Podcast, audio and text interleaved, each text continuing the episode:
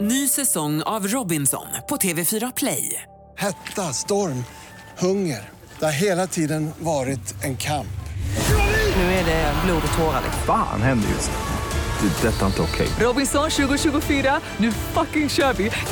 Streama söndag på TV4 Play. Lever du i, i ett förhållande nu? Nej, det gör jag inte. Shall we? Vi får, det är därför vi pratar Jag är om det. omgift. Du är omgift? Ja. Ja. Ja så En markering.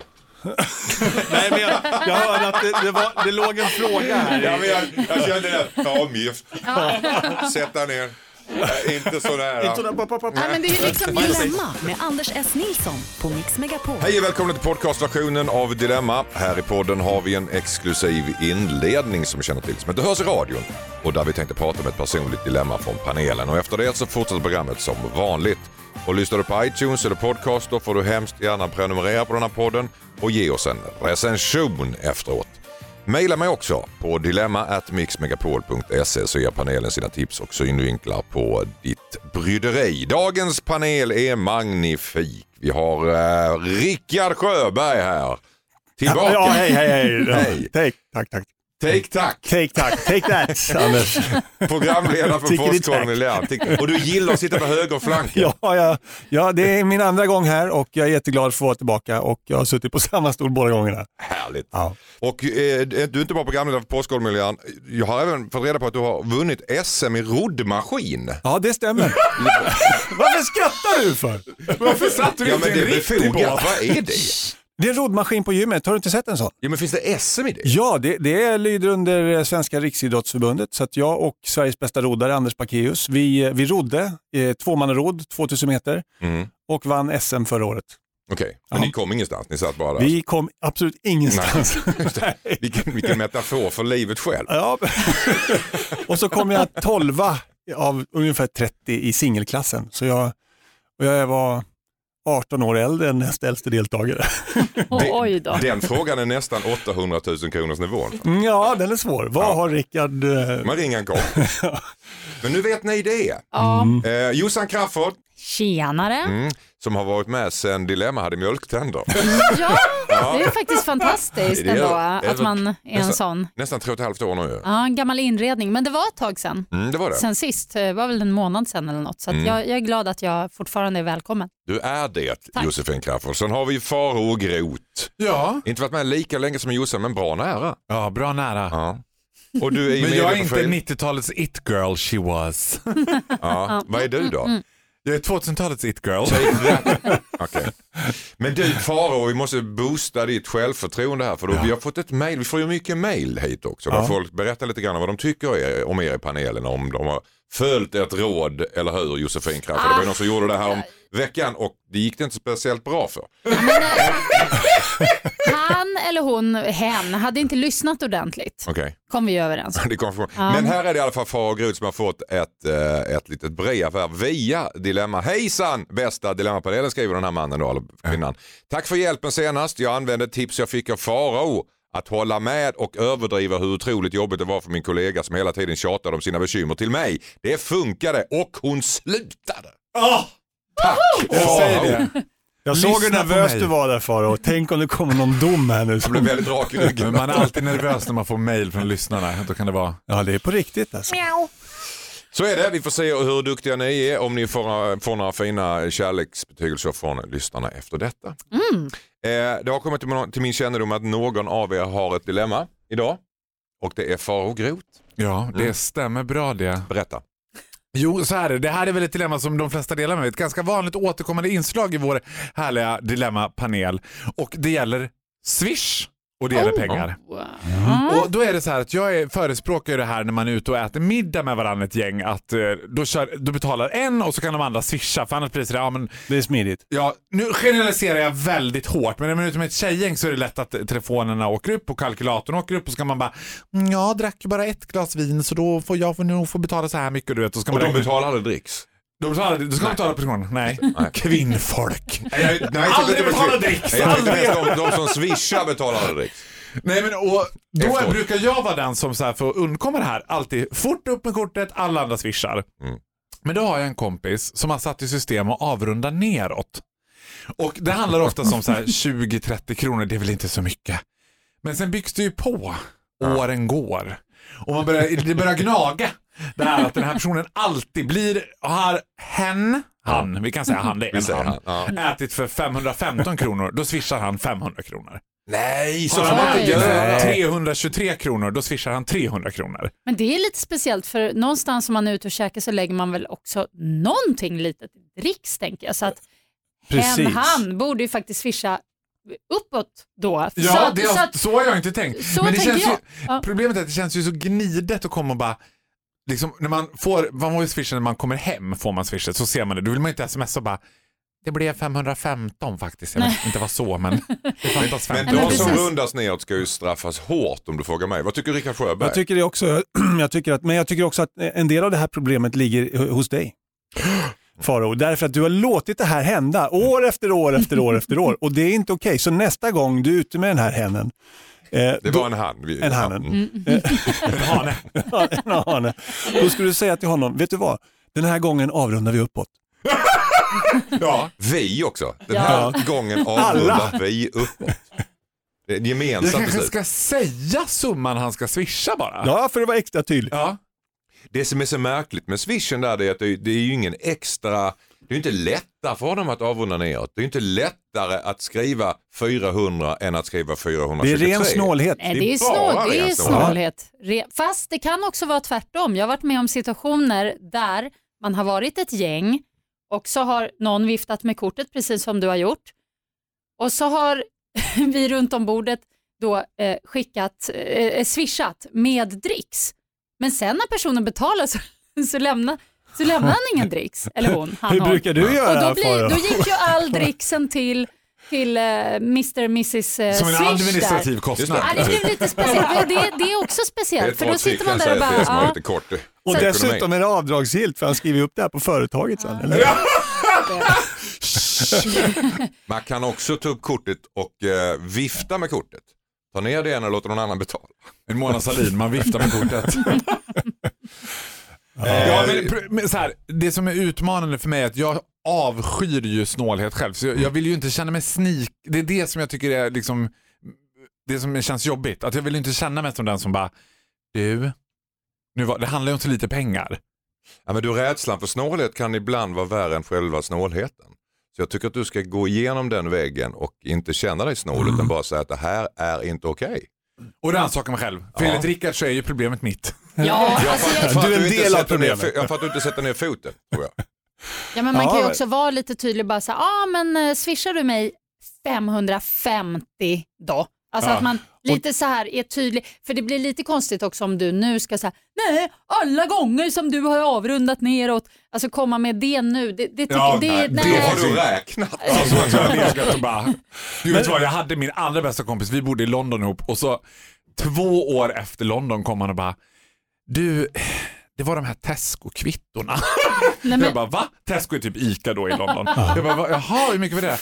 Ja, det är 174 kronor alltså i svenska då, men om man Byt kompis, byt kompis. Två år senare. det där är läskigt. Har han suttit med de där kvittorna i Ja, två år och bara, nej, Men- inte idag. Not today Satan, men imorgon ska jag på.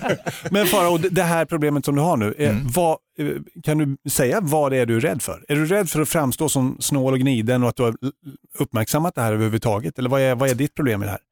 Jag är rädd att bli sol och vårad. och blåst på pengar. Ja. Nej, nej. Nej men det är bara en principsak, så Ja. känns det. Jag är inte rädd att uppfattas som snål egentligen så. Det är mer en principgrej att säga, jag, nu har jag fattat att den här personen har satt det här i system. Och när du säger det till honom, Ja, vad är du rädd för då? Vad kan hända? Liksom? ja ingenting. Att han ska dig du som säger, när du säger det så. men handlar det inte mycket om hur den här personen i fråga har det ställt också, kan jag tycka. Om jag till exempel är med en person och käkar och jag vet att den här personen kanske har jätte, jätte ekonomiskt, då skulle jag aldrig tjafsa om det. Men om jag Den vet goda att... att hemsamariten Josefin Nej, Crafoord. men- Vet du vad gubben? Jag betalar den här kaffen till dig. För jag vet att du lever knaper.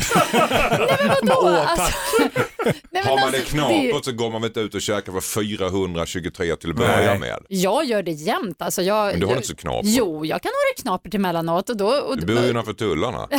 men jag bara rika människor. Nej men alltså när man har det, alltså, knapert och knapert, men alltså jo, ibland så, så, så gör man just så när man har det knapert för att man vill ändå ha det lite härligt. Okej. Ja. Sätt ner foten, eh, känns det som att alla vill att du ska göra helt enkelt. Och Ja, inte, jag var, tycker jag fick mycket klara svar här. och var inte rädd för att framstå som snål. Nej. Nej. Tack så mycket. Nu fortsätter programmet som vanligt. Hejsan Dilemmapanelen, jag heter Marco. Jag driver en restaurang och har ett gäng stamkunder som kan vara rätt så jobbiga. De är här nästan varje helg, högljudda och livliga. Oftast gör de inga övertramp, de tar bara, de tar bara mycket plats. Däremot så kan de leka poliser ibland, säga åt andra gäster vad som är okej och inte. De vaktar platser åt varandra, rättar andra gäster i oskrivna regler och så vidare. Dessutom är de lättkränkta. Jag vill å ena sidan inte förlora ett gäng bra kunder men å andra sidan så kanske jag håller på att förlora kontrollen på min restaurang. Jag vet inte om, om affärerna hade blomstrat ännu mer om de inte hade suttit där. Men jag undrar, vad hade ni gjort i min situation? Undrar restaurangägaren Marco. Faro Groth. Oj, ja vet du vad, där hade jag nog spelat om ett spratt. Alltså jag hade sagt, liksom, vet du vad, jag menar, man, modernt det där lät. Försöka förolämpa dem eller? nej, Dra på trissor. Ja. Ja, ja. Farfar Farao har talat Farfar. Farao spelar ett spratt. ja. Nej men så här, jag hade nog lurat dem och sagt så här, vet du vad, vi har börjat med tema på helgerna. Och det är tema tystnad på just den här delen. Alltså det är jättekonstigt. Men det här är från ett franskt restaurangs eh, liksom, kedja som har det här och det är så jäkla häftigt. Man äter under total tystnad. Och så är de de enda som gör det. Ja, Okej. då kommer de ju tröttna till Och jag tror så här, you win some, you lose some. Alltså du behöver inte oroa dig. Alltså du vill ju inte sitta med en situation där du bara har det där gänget till slut, för de kommer ju dö en vacker dag. har du ni ingen bra kunder, driver in lite stålar och pålitliga kunder. Vad säger Josefin Crafoord om det? Ja, men, alltså, jag hade tyckt det var jättejobbigt att ha eh, en restaurang och några gäster som håller på och jiddrar med andra gäster. Jag kan ju inte låta bli att tänka på den här fruktansvärda incidenten jag själv var med om när jag var och käkade med min mamma och det kommer någon kvinna och säger åt mig att jag har för mycket parfym på mig, att jag måste gå på toaletten och tvätta av mig. Skojar du? Detta hände! Jag tycker att det var Hon så... kommer fram till dig och säger du luktar för mycket parfym. Ja, Men vad ska han göra här? Ska han eh, ta Där- bort de här gästerna som då är stamkunder till förmån då för kanske för de andra Man kan gästerna? ju inte ta bort gäster så, men däremot så tycker jag take action precis när det händer. Inte vänta eller sådär, utan när det händer. Och så tar man ett allvarligt snack, för man har ju respekt för restaurangägaren. Ta ett snack med honom. Vad säger Rickard Sjöberg? Ja, jag håller med Josefina, för jag tycker det är, eh, han måste ju fundera på vems restaurang är det här egentligen? Och det är ju hans. Hur vill han att atmosfären ska vara på hans restaurang? Och så får han helt enkelt åtgärda det som är fel.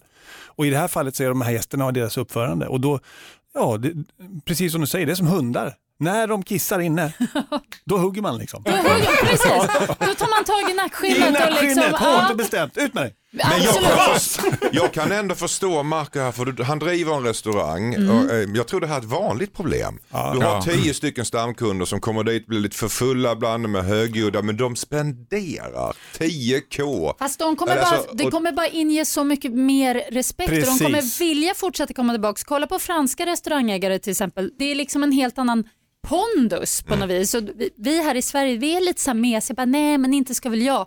Ehm, en gång blev jag utslängd från en taxi till exempel. Uh, ja, jag var lite stökig i taxin helt enkelt och ja, då var jag ju upprörd. Men sen Hur är man dagen stökig efter... i en taxi? Ja, men- Jag blir så jävla nyfiken nu. Var du själv, var du själv i taxi? Var i taxi? Nej, jag var med en person, men det var nog mest jag som var stökig. Men hur som helst så vill jag bara säga, jag vill ge den här taxichauffören rätt, för det han sa var så här, det här är min arbetsplats. Mm. Och då var jag så här, "Äh, blablabla." Men dagen efter så, äh, så, så skämdes jag lite och jag tänkte på det där. Vad sa du? Vad sa honom? Det här är min arbetsplats och Josefin sa? Det är klart att det kändes jobbigt och förnedrande i stunden, men jag respekterar det för, för han hade ju rätt. Mm. Varför ska jag hålla på och stöka och, och kaosa inne i- där på hans arbetsplats? Det han eventuellt kan förlora på att, att eh, eh, berätta för de här människorna hur han vill att atmosfären ska vara i hans restaurang. Det kommer han vinna i andra ändar någonstans. Med respekt hos andra kunder eh, och förmodligen så kommer han inte förlora de här, de här eh, vildhjärnorna utan de kommer att komma tillbaks och, och fortsätta ha kul. Och man säger, det, eh, säger det på ett snyggt sätt. Liksom. Han har skrivit hit, han mår ju dåligt att komma dit Ja, men man, alltså, så här är det, så här vill jag ha det på min restaurang. Jag uppskattar er supermycket som kunder. Jag tycker det är jättehärligt att ni är här. Men det här och det här och det här gillar inte jag. Och det tillåter inte jag på min restaurang. Från och med nu så måste det liksom bli ordning och reda. Men jag håller med Rickard till 110%. För jag tror att han ska försöka få med sig de här mer än att få dem emot sig. Jag tror inte att han ska säga åt dem utan jag tror att han ska så här, kanske en kväll, vet du vad? Idag bjuder jag laget runt. Bra idé. Men vet du vad? Så här är det, jag behöver ha er med, med mig för ni profilerar min restaurang så jäkla bra och jag, jag älskar er som stamkunder. Men jag vill få in fler gäster och ni måste vara med på det, att vi gör det här ihop. Liksom. Ni är som del av den här restaurangen. Ja, Det där tyckte jag var det, det, det allting blev... Okej. Tillsammans så Fram tills löser vi det att här. Farao började prata med, om det här sista så var allting toppen. Det där, alltså, fruktansvärt förslag alltså. Nej, jättebra. Jo, nej. Varför då? Dadda, hink och spade. Ja, Med nej. vuxna människor. Nej men fy! Bjud, bjud på en runda, bjud på en runda och så håller vi varandra i handen och så säger vi nu går vi framåt i livet och så gör vi saker bättre. Så får man inte respekt. Typ på runda och du tror Nej. att de blir tysta av det? Ja, nej, nej, nej, nej, nej, nej. Okej, Ja, men Ni fram till dess var det bra. tack så mycket. Hejsan Dilemmapanelen, jag heter Vanessa. Jag och min sambo har ett barn ihop. För två månader sedan förlorade han sin andra dotter från en tidigare relation. Jag sa att han borde vara med mamman och sörja sin dotter. Sedan dess har han varit borta. Jag har träffat honom några få gånger, han verkar ha flyttat ut.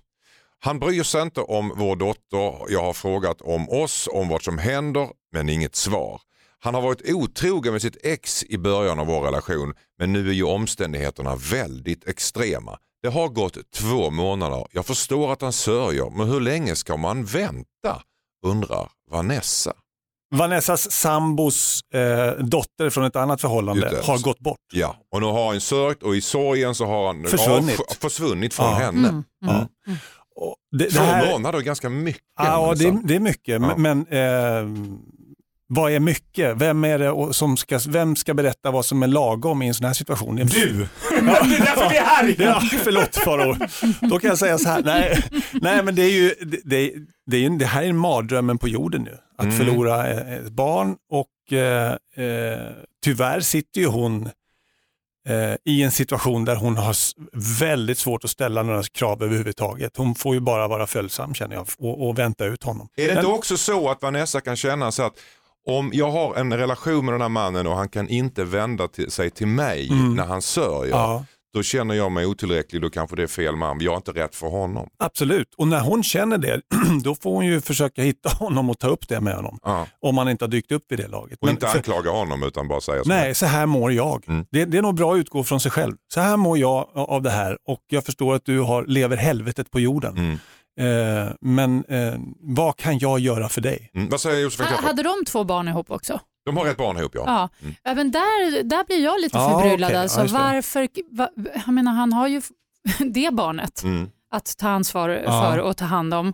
Ehm, så att eh, nej, hade jag varit henne så hade jag verkligen varit mån om att få tag i honom och, och försöka hjälpa honom så gott det går med vad han nu må tänka behöva för att komma vidare. Inte bara sitta och vänta och låta honom ha sin tid. Jag tycker hon ska kliva in och stötta och hjälpa. Och, och, jag blir bara orolig att han sitter liksom och har grottat ner sig totalt någonstans. Han hänger ju med exet som då är mamman till, till barnet som har gått bort. Ja, och jag menar jag, jag förstår att han, att han gör det och det ska han ju såklart kunna fortsätta göra. Men eh, det, det, Jag förstår att man resonerar så att man vill stötta varandra och man vill finnas där för varandra.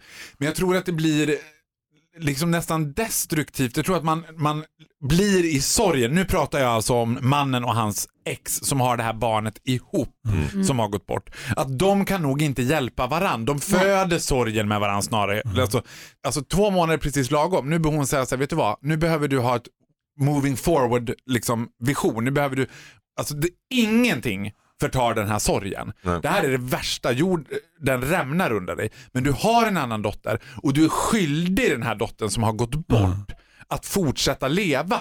Mm. För du har ett liv som hon inte har och det livet måste du, nu lever du inte det livet, nu är du också död i princip. Och det är inte eh, optimalt. Alltså, och har dottern som också lever, sin andra dotter med, med den, den frun han nämnde nu. Exakt, Mm. så han, och jag, jag tror inte, jag tror man ska åsidosätta all typ av svartsjuka för jag är övertygad om att Vanessa Ja, inte är alla, svartsjuk. alla sådana tankar får ju komma sekundärt känns det som. Ja, och jag tror inte att Vanessa är svartsjuk för hon har redan Nej. tillåtit honom så länge med den här utan hon verkar mer hon verkar mer perplex nu, som att hon vet inte riktigt vad ska jag göra. Mm. Och då är jag ju en evig förespråkare om en präst. En präst. Ja, en själavård. Alltså gå till någon och prata helt förutsättningslöst. Funkar det, då kanske man ska ta in en terapeut. En så här, han behöver hjälp och Mm. han kan inte få hjälp av sin exfru. För de, it's a blind leading a blind. De Präst är sitter i gratis. samma... Mm. Präst är gratis. Jag gillar gratis! Man ska ge honom tid att sörja, självklart. Och det faller sig naturligt att, att eh, hans sambo då får ta hand om den gemensamma dottern efter den här sorgen. Men inte hur länge som helst. För att, precis som ni säger, hans liv och hennes liv och deras gemensamma liv måste fortsätta. Och det, så, så, ja, det börjar väl bli dags. tror- Söka ja, upp honom liksom. Sök upp, kavla upp ärmarna och, och var hjälp. den som, som hjälper. Alltså hjälp, erbjud inte bara hjälp utan kliv in. För jag Mm. tror faktiskt att ibland behöver man också, eh, det har man ju själv varit med om när var, man har haft det tufft och jobbigt.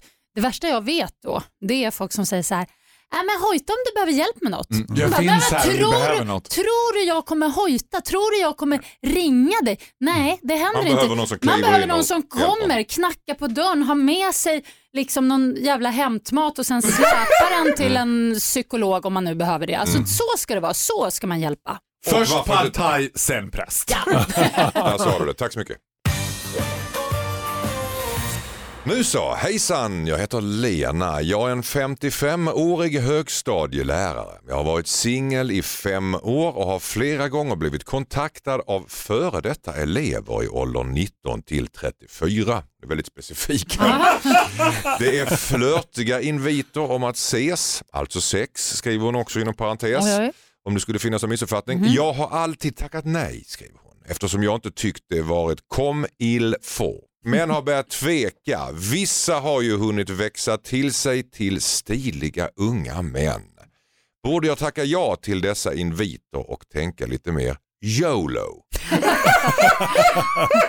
Hon är ju street den här kvinnan i alla fall. Vad säger eh, Josefin Crafoord? Ja, alltså den här den är lite klurig tycker jag. Ehm, alltså, det verkar inte handla om en specifik direkt. Hon verkar mest vara så här, ja, let's go, nu kör vi till höger och vänster och hitan och ditan. Mm. Ehm, och då är, man ju, då, då är det ju ingen fara på taket på det viset att, att hon ja, kan bli sårad eller så. Nej, men hon kanske ska testa i alla fall. Alltså, om det nu är ålder 19 till 34 så kanske hon ska köra på någonting där ja, lite högre, alltså mer, med, skalan. ja, den övre skalan ändå. Varför då? Ja, ja, men, ja, jag vet, men alltså, annars blir det... Börja Alltså, neråt och jobba upp skulle jag säga. Tycker du det? Ja. jag tänker tvärtom. Men... Eh, eh, Vad pratar men, om? nej, men, ja, men kör. Alltså, vadå? Kör. På, på, Att du, att du är lite tveksam här överraskar mig faktiskt lite här Jossan. jag, jag förstår det. Vad är du rädd för Josefin? Nej, men jag, jag tänker ju såna här konstiga banor, alltså jag tänker utifrån mig själv. Nu kanske inte hon har några barn den här kvinnan men jag har ju en sån som är 23 och då blir det ju då att 23 och neråt eller 25 till och med neråt det, det är ju verkligen barn för mig. Ehm, Vad säger Rickard Sjöberg Ja, men det det, jag försöker eh, höra hos dig här nu Josefin, det, du, du är inte säker på att alla kommer må bra av det här. Det, kan, det, det kanske är det, eller va? Va- Varken hon eller de här killarna kanske kommer må- må bra om hon fullföljer allt för mycket, allt för ofta med vem som helst. Är det det du försöker fast komma åt? om det är ofta med lite kreti och pleti om man säger, då Ja. tror inte jag att det är någon fara. Det, faran kan bli om, det liksom, om hon snör in på en och så blir det någon konstig Du är situation. rädd att hon och- ska bli sårad? Det, Ja, det, du- det är nog det jag är Mm. rädd för. Hagroth, du sa just do it innan du ens hörde brevet. Står du fast vid det? Ja, nu skulle jag nog vilja säga just super do it. Alltså Okej. verkligen supergöra. Så länge man inte är med klammeri med lagen, då får man göra precis vad man vill. Och jag tycker att absolut att hon ska göra det. Det är väl fantastiskt. Hon är 55 år, hon verkar vara lite street, hon verkar leva livet. Lev livet fullt ut. YOLO. Och Hon ver- YOLO. Och hon verkar, heller, hon, hon verkar också väldigt på det klara med vad det här kommer leda till. En trevlig stund. Mm. Det verkar inte som att hon är, ja jag börjar förälska mig i någon av dem, ingenting sånt. Utan hon bara liksom vill, behöver bli lite, eller vill bli lite uppskattad. Gud, kör Kan det vara så att Lena kanske rent har sagt upp sig från jobbet för att kunna flörta med de här rätt Nej, men det är ju lagligt? lagligt. Det, är ju, det måste vara check och bock på lagligheten i alla fall 19 till 34. Det är väl inga Det är problem. superlagligt Eh, men skulle jag jag, säga. jag, jag, jag håller med dig Faro, men med en reservation för ha, ha tentaklerna ute och alla, eh, alla tentakler ute för att liksom känna efter, mår du, mår du bra i det här? Mm. Må, t- känn efter efter varje steg. Liksom. Mår alla bra? Är alla Men det är okej? därför hon ska börja med de här 19-åringarna, för de är så jävla rädda. Så då kan hon liksom, Nej, men det är de som kan må dåligt då. Ja men det är ju inte hennes Men ansvar. jag tror, jag tror alltså 19-åringarna kan ju må dåligt också. Mm, det var Alltså, det som... Jaha, var det det Ja, men du vadå, sa? det är Ja, ja. de som har gjort inviterna. Jo, de är för... men, Ja, men de, de är de, inte- är ju helt förvirrade. De De är är ju så 19. här Ska hon ta ansvar för hormonstinna det? De är- småkids. Jag anammar alltid det var du som nej, började. Där, där får faktiskt hon ta ansvar tycker jag. Kör inte på de som är 19, de är helt snurriga i Ja, vad går gränsen för 19 då? Nej, 25 säger jag uppåt. Trist. Då hör du, då har vi ribban. 25 Sätt dig på valfritt. Joe and the Jew säger jag till Lena. Men alltså 30, 30, Och så bara hovar du in. shake efter shake. Men lyssna här, mellan 55 och 34 det är eh, 21 år och det finns ju förhållanden som eh, är riktigt bra förhållanden med, med större gap emellan. Så att det, det kanske kan bli något med någon av de här killarna. Nej, men det ska inte det primära vara. Nej, Hon ska- det ska hon- det inte hon vara. ska Hon ska ha sex. kul. Ja. Hon ska ha sex Ja. och ha kul. Hon Det kul. verkligen vad det hon är ute efter i Ja. alla fall. Men man kan hålla dörren öppet för, öppen för vad som helst. Absolut, Ja. och, men var väldigt varsam så att du inte sårar dig själv. Hejsan Dilemmapanelen, jag heter Robert. Min mamma har börjat spåra ur i sin jakt efter extra priser. Vi bor i olika städer men hon lever tillsammans med sin man och de senaste åren har hon fyllt upp skåpen och källaren med saker som hon fått, för, fått bra pris på. Senaste besöket roade jag mig med att göra en inventering. Bland annat har hon 14 flaskor sköljmedel, 60 flaskor schampo, 72 paket kaffe och 176 toarullar. Dessutom tvingas hon slänga kilovis med mat som hinner gå ut innan den äts. Det drabbar ju inte mig men jag tycker ändå synd om henne som kastar massa pengar i sjön. Borde man lägga sig i här? Eller ska mamma få hårda i fred? Ja, alltså. Jossan? Jag känner igen det där lite grann i, i, på det viset att min mamma är lite bra på just handla billigt och mycket. Hon köpte 100 eh, tomatpuré. 100 tuber För att det var billigare? tomatpuré. Det, kostade bara en krona styck nämligen. Så det var ju jättebra. Nu visste man när man kom hem till mamma. Så sa hon så här, åh kolla vad jag har, kolla här, jag har så många. Du kan ta några om du vill. Alltså, hon kände sig jättegenerös och jag bara, eh, big spender! jag, bara, och jag, jag tog, tog, nej men ta inte en, ta, du kan ta tre, du kan ta fem. Det är en goodiebag där man... Vet du vad jag gör? Jag vaskar den här tomatpurén. Och då också så här, varför var tomatpurén så billig? Jo, för att det var väldigt nära utgångsdatum. Så jag, vet, det, ja. Så ta 10. nej, men jag, jag låter henne hållas. Jag vet att hon njuter av det där. Jag kan ju också se att min mamma blir väldigt glad över det här. Alltså hon köper väldigt mycket mat på Lidl till exempel.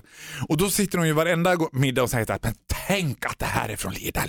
Men gud så gott det här var. Men gud man tänker ju inte ens att det är från Lidl när man äter jätte, jättegoda. Men sen kan det gå till överdrift. Hon var på Ullared någon gång och då köpte hon 52 toaborstar. Nej. Och då tänkte jag så här, vad ska du med dem till? Men hon bara, men vet du hur billigt det här var?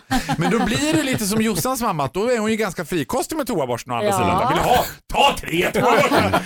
Och då Vet tycker du jag så vad, jag slänger en, i en burk tomatpuré i goodiebagen också. Ja, men då, då tycker jag så här, det drabbar väl ingen. Alltså så här, om hon blir glad för det, det är ju inte så här, Alltså skulle hon bli skuldsatt och skulle vara så här, nu har mamma köpt så mycket så att, liksom, att det börjar se ut som sån här extreme hoarding hemma, att liksom, pappa kommer inte in i sovrummet längre för mamma har dukat upp en toaborstar.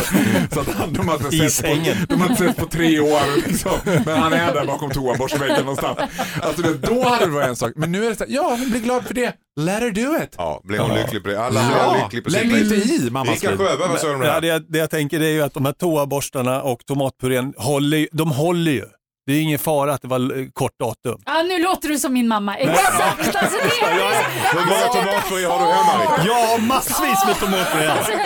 Jag sa, det, det där är det värsta Så- argumentet. Bara, snacka inte ner tomatpuré. jag får sån panik på det där. Du vet. Man bara, men vänta nu, den här grädden, den är en månad gammal. Ah, det funkar i matlagning. Jaha. Nej, Men jag bara lägga till en sak?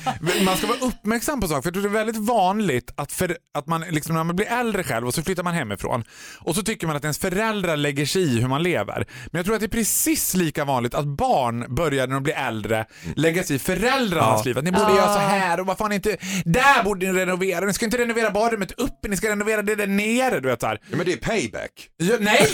Jag säger att mina föräldrar de har gett mig free lejd and look at me. Men jag, jag tycker alla de här grejerna som de bunkrar på sig, eh, eh, och så länge de går åt så är det ingen fara. Bara de kan stasha undan det någonstans och ha någonstans att förvara det. Ja. Eh, Den som sparar har. Ja, men däremot, det, det man ska vara uppmärksam på det är ju så att det inte blir ett missbruk av det, så att de häller i sig för mycket tomater.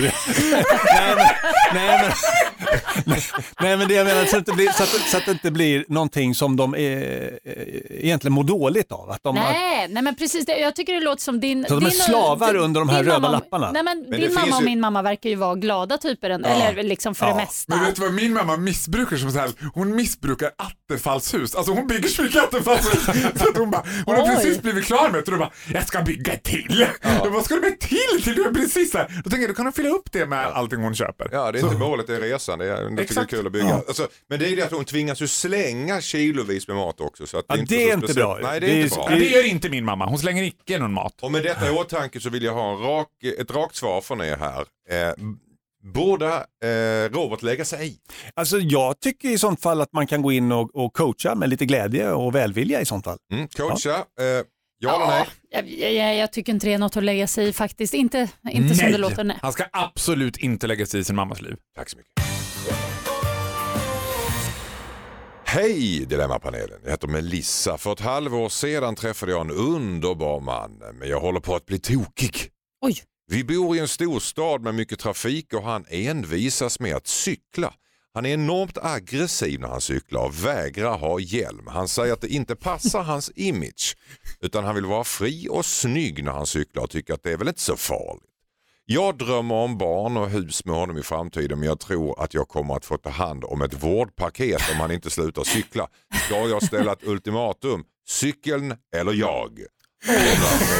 En stenhård dam det här. Rickard Sjöberg. Ja, jag tycker att det är hål i huvudet på honom att cykla utan hjälm i och för sig, men jag tycker inte att hon ska ställa det ultimatumet. Nej, vad säger Josefin Crafoord? Jag tycker det är lite skrattretande på något sätt. Jag, jag förstår honom. Eh, Alltså, om det är något fordon man kan ha att göra med och man slipper hålla på med massa bälten och hjälmar och skit så kan man ju faktiskt, så är det cykel. Mm. Och, eh, Vadå det- vänta nu, har du hjälm när du kör bil Jossan? Men Massa bälten och hjälmar och skit. Nästa, det är väl nästa grej som kommer. Skulle inte förvåna mig. Helt plötsligt ska man ha hjälm i bilen också. Alltså, det är så mycket så regler kring hur man ska skydda sig och skydda sig och skydda sig. Ehm, var, varför kan, eh, han kan väl ta det, Trygghetsnarkomani. jag tycker han ska ta det kanske, hon kan säga så här, men ta det lite lugnt när du cyklar, var lite försiktig kan hon ju säga. Men Mm. jag, jag förstår, det- alltså det är en frihetskänsla att eh, cykla fram genom stan. Det är härligt. Jag gör Fritt cykla, det. cykla utan hjälm. Nej, men alltså, hjälmen är ju, ah, jag- vet att man ska ha hjälm och jag kommer få äta upp det här. Jag kanske kommer trilla och slå i huvudet en vacker Kan dag. du och bara, äta tomatpuré annars? Ja. Nej, men, Det är allt hon får i sig nu för tiden. men, Förlåt, vad sa ja. du Jossan? Nej, jag tycker bara att det, jag tycker han ska få fort, fortsätta cykla, det är allt jag säger. Okej, vad säger Farao Groth om det här? Ja, han ska absolut fortsätta cykla och det finns ju alternativa lösningar. Det finns ju sån här inflatable hjälm, vad heter det? Åh, Ja. fy hövding! har du sett Har du sett hur de ser ut? Och vet du hur tunga de är att ha på sig? Det är så, Ja, och det kommer i sin tur göra att han tycker att en vanlig klassisk frigolithjälm inte är så himla jobbig. vet alltså- du, och ibland så fäller de upp sig själva också när det inte är meningen. Det är Nej, för du kommer bredvid någon som cyklar som har en sån så här, tjena Åke, Puff, så, här bara, så sitter de med en krockkudde över hela skallen. Ja, då skulle jag hellre välja frigolithjälm faktiskt. Ja, men jag tycker så här, är hon tillsammans, är hon dökär i en man som tycker att det inte passar hans image att ha hjälm, då känns det lite som en tönt. De har ett större problem än själva cyklandet. Ja, jag tror att det är mycket större. Jag- I det här fallet är ju inte cyklandet som problem. Låt han cykla. Det är miljövänligt, det är bra, det är en frihetskänsla. Men det är väl klart att han ska ha hjälm. Man kan, ju- man kan ju bli ett vårdpaket på andra sätt också än att bara ramla ner för cykeln utan hjälm. Eller? Ja. Alltså man, cyklar, man cyklar lite lugnt så, så Han brukar går igenom någon sorts medelålderskris det här. Att bara, eh, pro- problemet är inte att jag inte får cykla, det är att jag måste ha hjälm. Jag vill inte ha hjälm! Vilka skäl var sista ordet? Ja, jag, tycker, jag, tycker, jag, åt, jag upprepar, det är töntigt att inte ha, eh, slänga på sig en hjälm. För det är en sån lätt livförsäkring. Har man vänner i sin närhet eller barn som har trillat och råkat illa ut, då är det väldigt lätt att propagera för hjälm. eh, end of discussion på den punkten. Men sen, sen så tycker inte jag att, att, att hon har någonstans rätt att ta bes, de besluten åt honom i hans liv. För han har sitt liv, hon har sitt liv. Och det här, ja, vill han utsätta sig för den risken, då är det, då är det hans val. Så hon ska inte ställa ultimatum någonstans? Nej, det tycker jag absolut En inte. snabb fråga bara, är inte lagstadgat med hjälm? Nej, Nej. inte för vuxna. Inte det. Det är inte det. Det är ju helt sjukt. Nej. Mer, mer power åt staten Alltså tycker jag. Farao, jag är så besviken på Allt dig. ska vara statligt Men styrt. vadå, sluta. Snart kommer man behöva hjälm när man ska ta en promenad. Det här är så Exakt. löjligt. Men alltså, det är för töntigt. Mm. Och dessutom, förlåt, men jag menar man kanske har fixat håret. Man kanske liksom vill... alltså, Ja men då har du en hövding. Ska du fixa håret har du en hövding, behöver du inte fixa håret De har du vanlig hjälm. kostar 2 ja, vet du hur dyrt det är? Ja men de ska vara subventionerade av alltså. staten. Tänkte att det här med cykelhjälm blev en sån het diskussion, nästan en valfråga. Ja. Tack så mycket. Hejsan Dilemmapanelen, jag heter Cecilia. Min man och jag gifte oss för ett år sedan. Efter ett tag började han ta av sig vigselringen när han sov och ibland glömde han att sätta på den igen. Numera har han aldrig ringen på sig. Om han har den pillar han tvångsmässigt på den och tycker inte att det är skönt som han säger. Jag blir sårad av att se hans nakna finger. Jag har sagt det men han säger bara att kärleken inte sitter i ringen. Ska jag stå på mig? Undrar Cecilia som är lite sårad av detta känns det som. Vad säger Rika Sjöberg? Ja, jag tycker det är en, jag tycker det är en väldigt eh, ovanlig åkomma att inte vänja sig. För jag tror de flesta vänjer sig vid en ring. Liksom. Den, eh, det kan vara lite avigt i början men eh, det, det kan ju bli problem. Jag kommer ihåg, jag glömde ringen en gång när jag åkte till inspelning av Postkodmiljonären eh, med min förra fru. Och hade inte ring i, i ett enda program. Eh, under Men då var Hänt Extra där. då var det någon som skrev in på sociala medier och sa att såg ni Rickard? Han hade ingen ring på fingret. Oj, oj, Det är oj. livsfarligt alltså. Hanken är ledig. Ja. Stod det i st- Sen, lån, sen lånade jag en, någon, någon plåtsak och virade runt fingret i nästa program. Vad säger Josefin Ja, Crafoord? jag ser en ganska enkel lösning på det här och det är att ja, ehm, kör på tatuering. Som Pamela Anderson och Tommy Lee. Liksom. Man kör en sån. Okej, Lo- eh, vad säger du? Ja, hur gick det för Pamela Anderson och Tommy Lee Men det frågar jag. sitter ju inte, kärleken sitter inte i varken ringen eller tatueringen men tatueringen kan han för det första inte ta av sig eller störa sig på på samma sätt. Ja, när det tar slut så stör man väl sig jättemycket på det. Men jag tycker så här, Mm. lyssna på honom.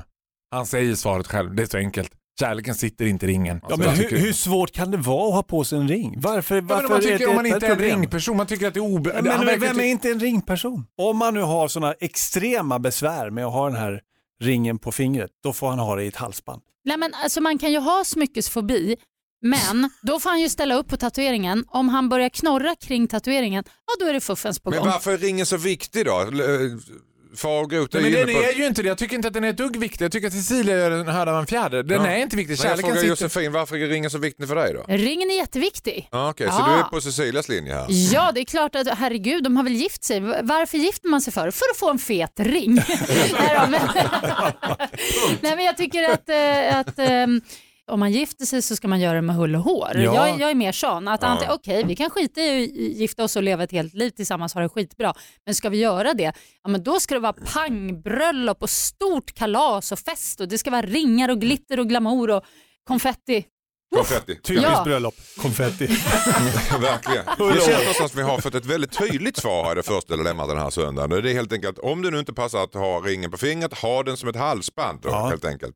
Tatuera in en ring på ditt finger Ja, om eller du en bokstav. Eller det en kan bokstav. vara sin partners första bokstav lite snyggt på fingret. Det är modernt, lite tufft. Du kommer, det kommer kännas ungdomligt. Och Faro och Groth är helt på din mans linje Cecilia. jag tycker- Kärleken sitter inte i ringen. Ja, han, hon kan väl Back off. bränna in något symbol på mannen då som Tengil är väl bättre som vet. Och, det här låter helt okonventionellt. Nej, absolut inte. Tack. Han är kär och så är det bra med det. Eller så har han något på gång med dig kanske. Oj. Tyst Jossan. Jag ringer sen Pontus. Ny säsong av Robinson på TV4 Play. Hetta, storm, hunger. Det har hela tiden varit en kamp. Nu är det blod och tårar. Fan händer just nu. Det. är Detta är inte okej. Robinson 2024, nu fucking kör vi! Streama söndag på TV4 Play. Ett poddtips från Podplay. I fallen jag aldrig glömmer djupdyker Hasse Aro i arbetet bakom några av Sveriges mest uppseendeväckande brottsutredningar. Går vi in med hemlig telefonavlyssning och, och då upplever vi att vi får en total förändring av hans beteende. Vad är det som händer nu? Vem är det som läcker? Och så säger han att jag är kriminell, jag har varit kriminell i hela mitt liv men att mörda ett barn, där går min gräns. Nya säsongen av Fallen jag aldrig glömmer på Podplay. Hejsan Dilemmapanelen, jag heter Molly. Jag hyr ut min lägenhet och har flyttat in i ett kollektiv bara för att få känna lite gemenskap. Några av dem jag bor med jag, känner jag väl. Efter att vi hade en inflyttningsfest insåg jag att min sminkväska blivit snodd. Den var värd cirka 2000 kronor och låg öppet i mitt rum. Jag blev väldigt upprörd men de andra i kollektivet tycker bara att jag borde ha låst in den. En av dem som bor hos mig såg en tjej sitta i mitt rum men ingen verkar vilja fråga sina vänner om stölden. Har de inget ansvar att leta upp tjuven undrar Molly. Vad säger Farao Nej, absolut inget ansvar. Det där är en non-win situation. Jag hade en hemmafest eh, med, eh, alltså det var väldigt mycket folk. Men det var bara folk jag kände och jag fick fyra parfymer stulna. Och det går ju inte. Alltså, vad ska jag lägga ut på Facebook? Det var en jättetrevlig fest, men det fick ett snörpligt slut. och jag vill fråga, jag vill fråga helt anonymt, vem är det som har tagit grejerna? Lämna tillbaka dem anonymt, utan det går inte. Alltså man ska fråga, ska man säga till sina kompisar bara, någon har, alltså tack så jättemycket för lördags, det var svinkul, någon har tagit Mollys sminkväska. Och tror, att, tror de att tjuven ska träda fram och bara, det var jag. Förlåt. Alltså det, det kommer inte hända. Det, det, är en förlorad, det är en förlorad sminkväska, släpp det. Om, du inte, om du var så rädd om den då får du faktiskt tyvärr låsa in den. Mm. Skyll dig själv helt enkelt tycker Farao. Vad säger Josefin Crafoord? Ja, men jag håller lite med. Alltså, det är väl det som är grejen lite med kollektiv, att man bara delar på allt helt enkelt. Jag har själv bott i kollektiv, ett anarkistiskt sådant. Då var jag i och för sig ganska liten, men eh, ingen ordning på någonting. Ett fullständigt kaos helt enkelt både djur och människor i, i en lägenhet. Uh, alltså, och då, det är som det är. Mm. Jag kommer ihåg att min morsa tyckte det var jobbigt för hon handlade ganska ofta, fyllde kylen och sen så var kylen tom. Liksom. Men det var ju kul också. Jag minns det som roligt i alla fall. Tid. Ja, så att, äh, vad tycker du att hon ska bara släppa det också? Tycker du? Ja, men jag tror sminkväskan kommer komma fram. Jag tror inte ens att det är en tjuv här. Jag tror bara att den har hamnat, liksom, den, oh, någon råkar kicka till den så den hamnar under en säng. Ofta är det så på sådana här eh, lite så här eh, fester och framförallt i kollektiv att äh, saker försvinner och så kommer de tillbaks. Mm, vad säger Rickard Sjöberg? Ja, hur mycket var sminkväskan värd? 2000 kronor var den värd. Sno något för 2000 och sen drar du. Okej, okay. så här gör vi kollektiv. Man snor tillbaka. Mm. Tillbaka kaka. Ja, precis. Nej, ja. Men, hur många parfymer har du? Farao. 58 stycken. Och fyra försvann? Ja. ja. Då ska du inte gnälla. Nej men jag gnällde inte. Nej. Jag sa ju att det var bara smällar man fick ta. ja. Problemet hon gjorde från början var att flytta in i kollektiv, ska vi säga så då? Ja. ja. om det nu är ett problem, som sagt, jag tror att det kan vara nyttigt och bra för folk också att, att inte bli så himla så här, hagalna. Det kan vara lite så här, saker kommer, saker går, det är ändå bara materiella ting. Men vissa, ja, förlåt. Ja, förlåt. förlåt. Nej, men, men vissa saker vill man ju kanske ha för sig själv. Ja. Som, nu har inte jag någon egen sminkväska, men om jag hade det och, Kom och älskade igen nu Rickard, slappna av! Nej, jag kan inte släppa min sminkväska! Fan, Tack så, så dansar vi! Hejsan Dilemma-panelen, jag heter Amanda. Jag är ny på jobbet och det pratas mycket politik under arbetstimmarna. Alla stryker varandra medhårs. Det skojas om att alla som inte röstar rätt inte är välkomna på arbetsplatsen. Jag vågar inte ge mig in i diskussionen men går runt och kokar inombords om dagarna eftersom jag tycker annorlunda. Borde jag säga något? Vad ska jag göra? Säger en förtvivlad Amanda. Rika Sjöberg. Det här är ett delikat problem. Ja, jag sliter mitt hår redan här. Mm. Ju, man, när man kommer ny på en arbetsplats då vill man ju inget annat än att, att passa in och få sin, sin eh, nya roll bekräftad av sina nya kollegor på så sätt att jag hör hemma här. Mm. Och om de pratar över huvudet på henne då, eh, då, då får hon ju inte uppleva det här. Då känner hon sig inte som hemma. Men hon känner väl också det att hon eh, kanske har andra åsikter än alla andra, att alla de tycker samma sak men hon vågar inte säga att hon tycker annorlunda för då blir det dålig, dålig stämning. Ja. Det är så himla synd. Alltså jag, sånt här kan uppröra mig. Jag tycker att man ska säga vad man tycker och det är också sånt som gör att relationer liksom blir starkare och att det, ja, men, kanske att det, att det från början kanske det gnager lite grann och sen så hi- hittar man någonting och så lär man sig av varandra också Mm. genom att ha olika åsikter. Jag tycker att hon ska vid något tillfälle när de sitter så här och sn- snackar eh, komma med en annan åsikt, se vad som händer, våga röra om i grytan som man säger. Jag håller med. Ja, okej. jag, jag tror inte hon har så mycket på att för, förlora. För att oavsett vad hon tycker, så, om hon jobbar där länge, hennes åsikter kommer komma fram förr eller senare i alla fall. Mm. Så att, eh, då kommer hon se att det är skillnad på folk och folk. Och, och, och det är helt okej. Det får vara så. Vad säger Fagerut? Ja, Jag tycker att det är himla knivigt det här alltså. För att jag har eh, råkat ut för liknande situationer och man känner oh, I don't wanna know. Jag vill inte veta vad du röstar på. Jag vill inte veta dina politiska, relativt mossiga åsikter.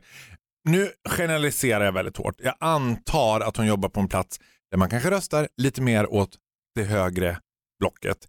Eftersom det är oftast de som brukar paradera att eh, liksom, man måste rösta rätt. du vet, hon kan väl liksom Jag skulle nästan säga tvärtom. Det tror jag, jag håller Nej, med dig, nu ska inte ni Ja, börja ja. här nu. nu. Tala inte emot mig nu. Då ska, Du hon börja, själv. ja, då ska hon börja så här tänker jag, att hon subtilt ska smyga in sina, hon kanske kommer till jobbet och, nej men vad har jag i väskan? Här ligger både en hammare och en skära. Äh, oj då! Att alltså, hon lite så här, subtilt bara sitter och lyssnar lite på musik lite för högt och man hör Sajusa saruce miras publix vabotna. Alltså, Du kan texten. Ja, jag tog ryska lektioner i skolan. Hon tvingade oss.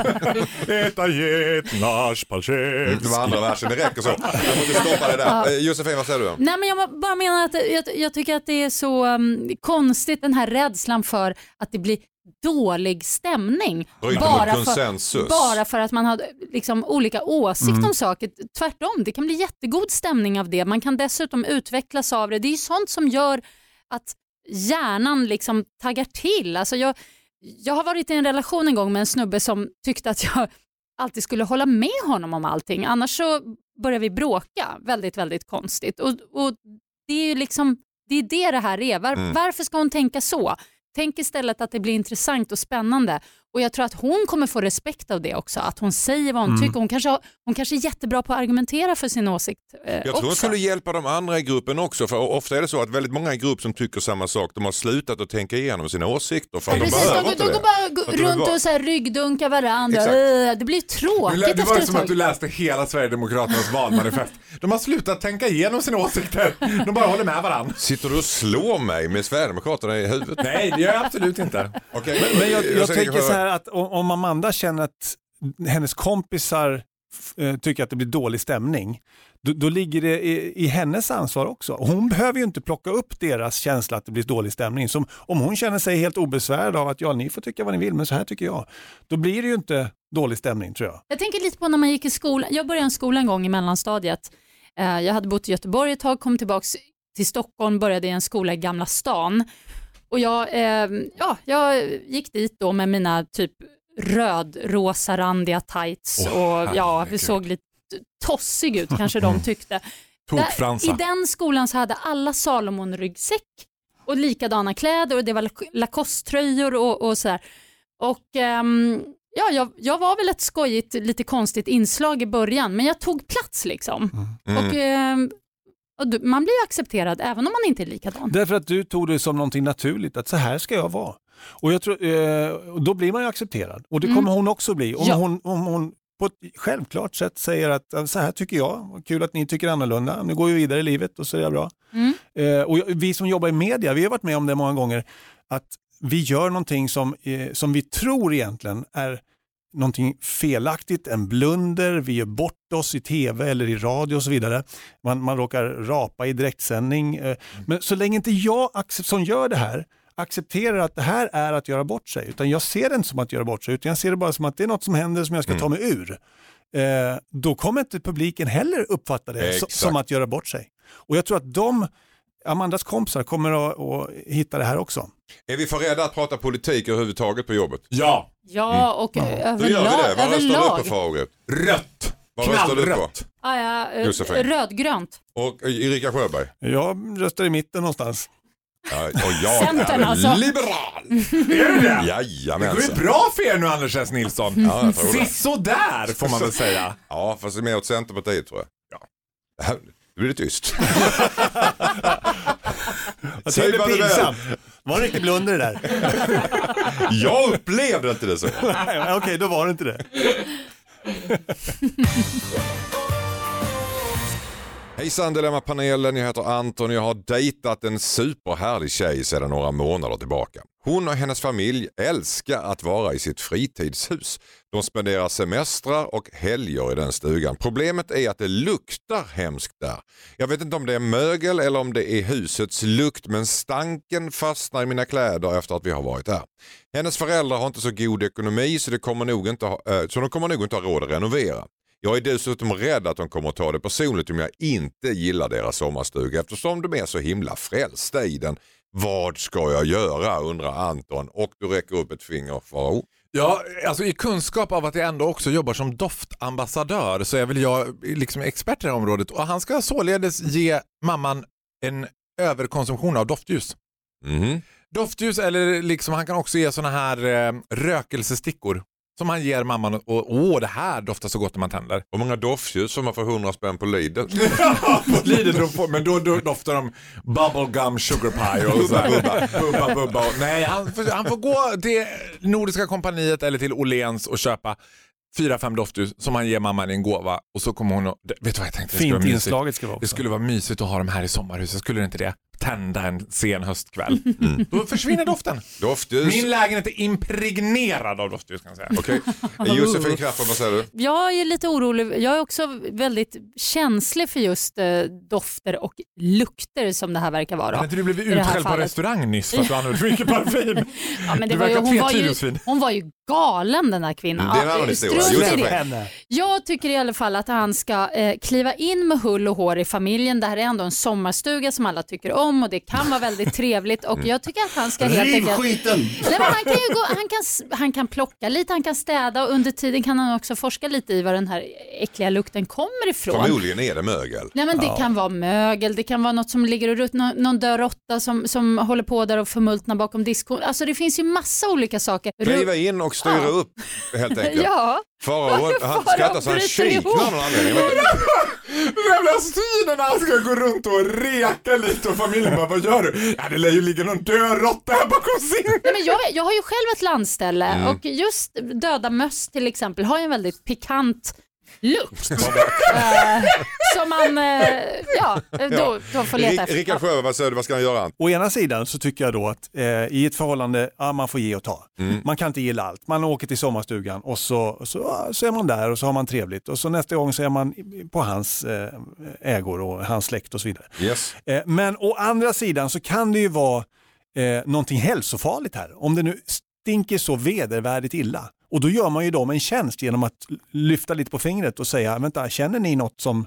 Rickard och eh, Josefin tycker att du ska säga någonting. Vad säger Farao? Du får sitta här. Jo, men det skulle ju också kunna vara så. Det verkar som att han har hakat upp sig mest på är att eh, det sitter kvar i hans kläder. Han skulle ju kunna skaffa sig en liksom sommarstugeuniform som han hade på sig varenda gång. Jag har samma outfit varenda gång jag är där. Den är helt impregnerad av den här likdoften. Nu är jag här och då har jag den här. Så Men, men, lik. menar du Faro att han ska, han ska dölja den här hälsofarliga stanken från mögel och svamp och allt vad det är i, i doftljus? Ja, men alltså är det så? Det är ju det jag har gjort i min lägenhet. Det är fruktansvärt. Ja, det Jag vet inte om, alltså, jag tycker Nej, men alltså stanken det- efter doftljus är nästan värre än mögel. Ja, alltså det kan bli riktigt äckligt tycker Ja, jag. Ibland när man kommer hem till vissa som... som Råttlik och jasmin. Det är kvalmigt. Ja, det blir så här slibbigt på något vis. Det känns som att... Mögel är hemtrevligt. Ja, mycket trevligare. Jag håller verkligen med dig där. Men doftljus det är som gammal toalett. Som en sån här kärringtoalett luktar man då. Efter ett tag. När man, när man, när man har varit hemma hos. Farao. Han kommer därifrån som en kärringtoalett. Tack så mycket. Sant. Hejsan Dilemmapanelen, jag heter Manfred. En kille i vårt kompisgäng är besatt av att hålla i frågesporter. Så fort det är en födelsedag, kräftskiva eller AV så har han styrt upp en frågesport. Det är många och svåra frågor. Några i gänget älskar det och alla måste vara med. Annars förstör man stämningen som han säger. Han kan dessutom ta det personligt. Han har ju jobbat länge med frågorna menar jag. Även om man avviker snyggt så är ju alla andra upptagna. Hur kan man stoppa frågesporten på ett snyggt sätt undrar Manfred. Vad säger Josefin Crafoord? Ja, men det här med frågesport kan ju faktiskt vara jättekul. Problemet här är ju att den här snubben han gör för många frågor så det blir lite långdraget, dessutom lite för svåra. Så det enda man kan göra här det är att kliva in och bli hans kompis och inför nästa fest helt enkelt. Ah, får jag vara med och preppa den här eh, frågesporten? Och, och då kan man smyga in lättare frågor och så kan man också säga, men du 30 frågor, det är lite mycket. Ska vi inte bara ta, vi kan, kanske kan ta 20 eller dela upp det. Vi kan ta 15 tidigare på kvällen och så 15 senare och så blir aldrig de där andra 15 av ens en gång för alla är så fulla. Alltså man, en sån lösning. Jag har en känsla av att frågesportsfanatiker vill gärna sköta frågorna själva. Att de inte, du jobbar ju mycket med frågor, hur är det Ja, jag, på jobbet? jag tycker det är roligt att min kompis Manfred har hört av sig och har blivit hörd. Och det är egentligen mig han pratar om. Eh, nej men jag, ja det kanske är så att frågesportmänniskor väl tycker om att bli hörda. Men de är speciella människor som alltid vill styra frågesport. Det är allting, det ska alltid vara en quiz, quiz, quiz, quiz. Mm. Ja. Och, Hur hanterar man sådana Rickard? Ja, man... Nej, nej, jag tycker det var, väl en bra idé det där. Ta det med en klackspark liksom. Försök att få honom på andra tankar och... och, och, och... Det känns som att han inte ens har lyssnat på Ja, det. ja, men jag tycker, vad ska man göra? Jag tyckte det var bra som Jossan sa att... Ja, men jag blev så paff här eftersom det handlar om frågesport och jag har gjort 1050 frågesportprogram. 100% inte det Josefin sa. Ah, men vadå, bara, ta det med en klackspark. Du Ja, ska också ja. börja svara på Nej, allting men, men i det, framtiden. är, är det inte samma sak återigen här, att du måste säga vad du tycker. Liksom. Du kan inte hålla på och finta honom. Om han är är pain för sällskapet eh, om, och han håller på och ska ha frågesport hela tiden, det är, det är jättetråkigt. Till, tycker till och med jag som tycker om frågesport. Så då- kan man stoppa någon som ett snyggt sätt? Vad säger FAO? Ja, jag tror ju på det här med att vara passive aggressive och spela spratt. Det är ju min melodi. Mm. Och jag tror att, absolut att det här är ett typiskt fall där man ska ge honom av hans egen medicin. Mm. Så nästa gång det är kräftskiva eller middag, sådär, då ska man säga så här, vet du vad? Nu är det jag som har quiz. Nu är det spännande förstår ni. Och då ska han ha ett schlagerquiz eller någonting, något som den här killen absolut inte är intresserad av. Och så ska han ha sån här liksom, ja men eh, fråga nummer tre. Vad kom Slobodan Möhöba i Rumäniens uttagning 1983 på för plats? Alltså det ska vara sån här som man bara, oh, det här är inte ett dugg kul. Och sen han bara, nej, just det, ska Manfred säga till honom. Just det. Vad ska man ge honom Men har de sjukdomsinsikt de som arrangerar frågesporter? Nej, men då inser han, det här är ett Han kommer googla det stenhårt, sen kommer han till ett Trea! Ja, nej, men han, nej, man får inte googla. Det här, Ah, okej. det här är ett uppvaknande. Han ska ge honom ett uppvaknande. Mm. Genom Ge- det här. Ge honom ett Ja, men uppvaknande. det får han ju om man berättar för honom att det här, det här har gått för Ja, långt. men det är jättesårande för att Ja, han tycker att det nej, här är hans nej, sätt att det höra går till. Vakna. inte, Vak- Rickard. Ja, men Nej, vakna. nej, nej, nej. Ska Det man skoja är- med honom istället? Liksom? Ja, gör det rolig på hans bekostnad. Ja, men Det då är blir det. det ännu jobbigare för honom. Nej, jag tycker ni, ja, nej. Just det, du på sista ordet. ja det är att eh, gör frågesporten ihop med honom nästa gång. Tack så mycket. Hejsan Dilemmapanelen, jag heter Rebecka. Min 16-åriga son är nästan sjukligt fäst vid sitt gosedjur. Han har haft det sedan han var två år gammal. Han sover med den varje natt, han har den alltid i ryggsäcken när han lämnar hemmet. Han är aldrig mer än några meter ifrån denne. Vi har försökt ta den ifrån honom, vi har gömt den i dagar och då har han blivit extremt deppig. Han fungerar bra annars, har ett socialt liv och så vidare. Den begränsar ju inte direkt hans liv förutom att han alltid måste ha med ryggsäcken med nallen i. Så borde vi göra något, undrar Rebecka, 16-årig son besatt av en nalle som man har i ryggsäcken. Josefin Crafoord, vad säger du?